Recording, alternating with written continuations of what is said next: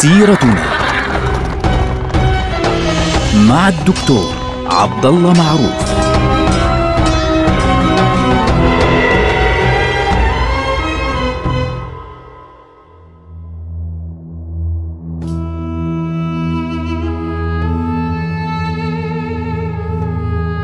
السلام عليكم ورحمة الله وبركاته. سيرتنا سيرة هذه الأمة العظيمة التي نحن فيها الآن في العهد العباسي الأول. تحدثنا في الحلقات الماضية عن العهد العباسي الأول منذ السفاح حتى المأمون، وتكلمنا عن المأمون وهو خليفة عظيم أي نعم ولكنه مشكلته كانت امتحان الناس في أزمة خلق القرآن وفي الحديث عن المعتزلة والذي أضعف فعليا وجود آه، وقوة العلماء في العامة. لولا ثبات بعض العلماء وعلى رأسهم كان في ذلك الوقت أحمد بن حنبل. الآن المأمون كان في زمنه هناك مشكلة واضحة بين الفرس والعرب. ليه؟ نذكر أن الأمين ذكرنا في حلقة سابقة أن الأمين كان الذي يؤيده فعليا وزيره الفضل كان عربيا وكانت معه العناصر العربية. أما المأمون فكانت معه العناصر الفارسية عموما. والآن الفرس فعليا يعني تمكنوا من السيطرة على الحكم مع الخليفة المأمون فأدى ذلك إلى ثورات من العرب من الزط من عدد كبير من الجهات من هنا ومن هناك. وبالتالي بعد وفاة المأمون ورث الخليفة المعتصم هذا الأمر أبو إسحاق محمد المعتصم ابن هارون الرشيد. المعتصم كان في البداية يعني غير مرشح فعليا لولاية العهد. لما والده الخليفة هارون الرشيد أعطى ولاية العهد أعطاها للأمين ثم المأمون ثم المؤتمن وطنش بين قوسين. المعتصم قيل إنه كان أميا. طبعا هذا الكلام فيه نظر لأن المعتصم له شعر وله كلام جميل وله يعني كثير من الأشياء العجيبة. علما أنه يعني الرجل كان آه، ذا قوة وشجاعة وهمة. ولكن في موضوع العلم لم يكن كثيرا مهتما في موضوع التعلم وغيره ربما لأجل ذلك الخليفة الرشيد يعني أبعده فعليا عن ولاية العهد. يعني يذكر البعض إنه لم يكن يقرأ بشكل واضح. يعني آه، كان يكتب ويقرأ بقراءة ضعيفة وغيره كما ذكر بعض العلماء مثل الصولي على سبيل المثال وأيضا الذهبي ذكره وأثنى عليه لولا مسألة معينة. يقول كان المعتصم من أعظم الخلفاء وأهيبهم لولا ما شان سؤدده بامتحان العلماء بخلق القرآن، يعني فيما يتعلق بخلق القرآن استمر على نفس النهج الذي كان عليه الخليفة المأمون. لكن الخليفة المعتصم له عدة يعني أشياء تتميز فيها آه، شخصيته ويتميز فيها زمانه فعليا. طبعا ركزوا شوي على موضوع الصراع بين الفرس والعرب ولننظر بعد قليل كيف حل هو هذا الموضوع وكيف سيغير ذلك شكل الدولة إلى الأبد فعليا كيف سيتغير شكل الدولة العباسية لاحقا لكن في هذه المرحلة التي كان فيها الخليفة المعتصم موجودا يعني آه، كانت القضية ازدادت بشكل واضح حتى أزعجت الخليفة نفسه فكان له آه، حل قطعي نهائي سنراه بعد قليل. طبعا يقول الصولي عن الخليفة المعتصم يقول للمعتصم مناقب وكان يقال له الخليفة المثمن. المثمن ثمانية. ليه؟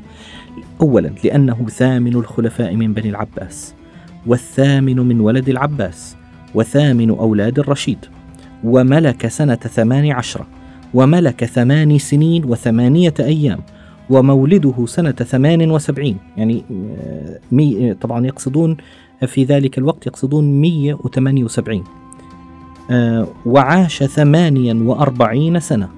وطالعه يعني البرج تبعه في ذلك الوقت كانوا يهتمون به العقرب وهو ثامن برج. وفتح ثمانية فتوح وقتل ثمانية أعداء وخلف ثمانية أولاد وثمانية من الإناث. ومات لثمان بقين من ربيع الأول يعني في 22 ربيع الأول اللي هو قبل ثمان أيام من نهاية ربيع الأول. طبعا شيء عجيب يعني يقولون عنه إن له محاسن وكان فصيحا مع أنه مش متعلم لكن له شعر لا بأس به يعني جيد ولكنه كان غضوبا فإذا غضب لا يبالي بمن آه، يعني من قتل. طبعا آه، رجل آخر اللي هو ابن أبي داود ماذا يقول عنه؟ يقول كان المعتصم يخرج ساعده إليه يعني إيده يده. ويقول يا أبا عبد الله عض ساعدي بأكثر قوتك. فأمتنع فيقول إنه لا يضرني. فأروم ذلك. يعني يعني ها بدي أعض بقدر الإمكان بقدر الإمكان. فإذا هو لا تعمل فيه الأسنة اللي هي السيوف فضلا عن الأسنان. فشيء عجيب. يقول فيه رجل آخر اللي هو نفطويه يقول كان المعتصم من أشد الناس بطشا. كان يجعل زند الرجل بين إصبعيه فيكسره.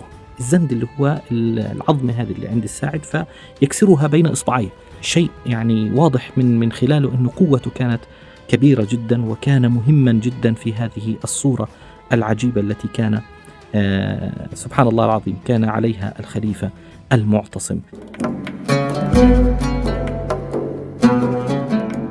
طبعا الخليفة المعتصم آه كما قلنا فيما يتعلق بأزمة خلق القرآن أصر عليها وأبقى عليها وبقي على ما هو عليه في امتحان العلماء. ففي زمنه ضرب الإمام أحمد بن حنبل ضربا شديدا جدا أمام الناس ويعني وأهان كثيرا من العلماء بل قتل عددا. يعني لا بأس به من العلماء على قضية خلق القرآن أنه من لم يقل بخلق القرآن كان يعاني فعليا ويمتحن في هذا الموضوع بل إنه كتب إلى البلاد يأمرهم بهذا الأمر فعليا. طبعا اتصف هذا الرجل بحسن التدبير وكان من أهم الأحداث التي كانت في زمانه في هذا الموضوع أنه تمكن من القضاء على ثورة الزط وقضى على حركة بابك الخرمي الذي الذي بدأ حركته الشديدة التي كادت تقضي حتى على الدولة العباسية في عهد المأمون فلم يتمكن المأمون منه ولا من ثورة الزط اللي هم الغجر. الذين في جنوب العراق فقضى عليهم المعتصم بكل قوته فعليا بعد عدة حملات عسكرية وجهها إلى هناك. أيضا في زمنه يعني كانت آه، سياسته تجاه الطالبيين اللي هم أحفاد علي بن أبي طالب يعني شديدة قاسية أيضا. يعني كل واحد كان يعني يعارضه أو يشم منه معارضة كان يقسو عليه بشدة ويعني بشكل كبير جدا. المبدأ إنه آه، في هذه المرحلة أيضا من الأحداث المهمة إنه المعتصم حارب البيزنطيين. حدثت بين المعتصم والبيزنطيين أحداث مهمة جدا. طبعا في البداية كان منهمكا تماما في القضاء على ثورة بابك الخرمي. وبالمقابل فالإمبراطور البيزنطي ثيوفيل في ذلك الوقت بدأ يعمل على محاولة استعادة آه، جزيرة صقلية في البحر الأبيض المتوسط من المسلمين. فبدأت القضية يعني هادئة بشكل عام ولكن بدأت العمليات العسكرية بعد أربع سنوات. عندما آه، بدأ ثيوفيل آه، يعود لحرب المسلمين من آه، في منطقة الأناضول. فهذه القضية وهذه الغارات التي قام بها ثيوفيل على عدة مناطق في الأناضول وصلت أخبارها إلى المعتصم. علما أنه آه، ثيوفيل طبعا كان يمد بابك الخرمي لاحق أو سابقا ببعض الأموال ببعض الجند ببعض السلاح. فهذا الأمر كان بالنسبة للخليفة شيء يعني مزعج لكنه مخليه للحظة يعني لوقت ما. ولكن في النهاية الشيء اللي ممكن نسميه القشة التي قصمت ظهر البعير بين ثيوفيل والمعتصم كانت عندما هاجم ثيوفيل مناطق الأناضول واستولى في هذا الطريق على منطقة زبطرة التي كانت الموقع الذي ولدت فيه والدة الخليفة المعتصم وأسر من فيها من المسلمين ومثل بهم وسبى المسلمات وهاجم ملاطيا هاجم يعني منطقة مناطق كثيرة وأحرقها عموما. فبالتالي المعتصم رأى أن هذا الأمر في غاية التحدي له. والذي زاد الطين بلة أنه وصلت المعتصم رسالة من ثيوفيل يهدده فيها ويأمره بالرجوع وترك هذه البلاد وإلى آخره ويدفع الجزية. فلما قرئ عليه قال للكاتب اكتب بسم الله الرحمن الرحيم. أما بعد فقد قرأت كتابك وسمعت خطابك. والجواب ما ترى لا ما تسمع وسيعلم الكفار لمن عقبى الدار. ثم أمر بتجهيز جيشه وقاده بنفسه لأنه تحدي شخصي بالنسبة له وتوجه إلى منطقة عموريا اللي هي مسقط رأس أسرة الإمبراطور ثيوفيل شخصيا. يعني أنت بتيجي على بلد والدتي أنا آتيك إلى بلدك نفسها. وفتح عموريا بالسيف. عندما تجهز لفتح آه، عموريا في آه، ذلك الوقت يعني بعض المنجمين اللي هم بيطلعوا بالنجوم جاءوا إلى الخليفة وقالوا له إن هذا طالع نحس وإنك ستكسر فأمسك كلامهم كله وقال كذب المنجمون ولا صدقوا ورمى في زبالة وكمل كل هذه الحملة فتمكن من يعني فتح عموريا بالقوة وشتت جموع البيزنطيين وخرب هذه الديار التي كان البيزنطيون يعني اللي هي القلاع التي كان البيزنطيون يشيدونها في مواجهته فقال في ذلك أبو تمام الشاعر قصيدته المشهورة اللي هي إيه؟ السيف أصدق أنباء من الكتب في حده الحد بين الجد واللعب والعلم في شهب الأرماح لامعة بين الخميسين لا في السبعة الشهب.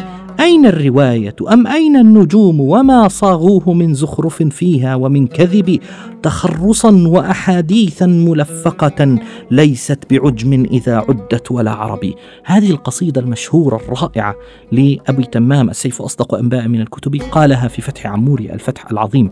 الآن هذا الحدث أدى يعني فعليا إلى آه، توقف المعارك بين الطرفين، لكن التغيير الذي قام به المعتصم لاحقا سيؤدي إلى يعني حدث مهم جدا، هذا على المستوى طبعا المستوى الخارجي هذه الأمور كلها التي تحدثنا فيها.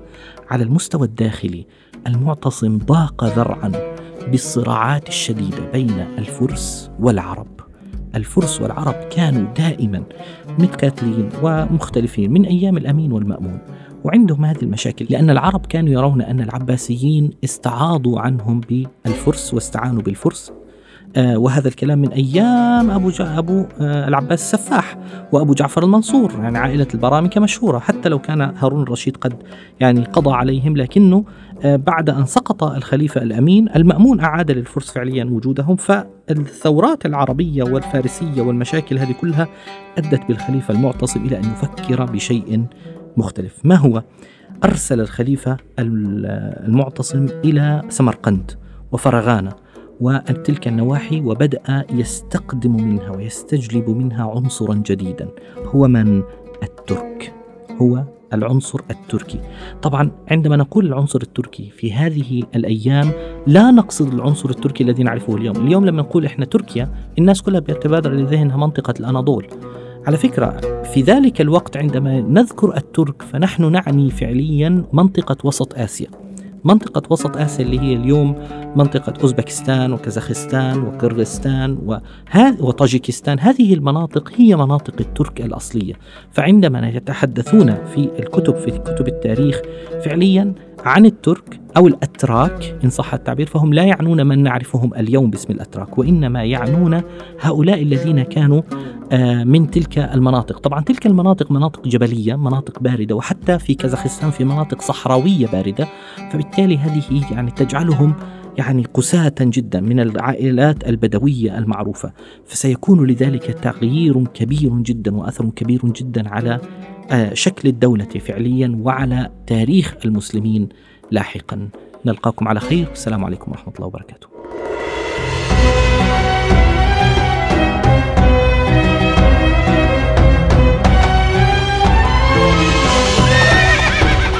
سيرتنا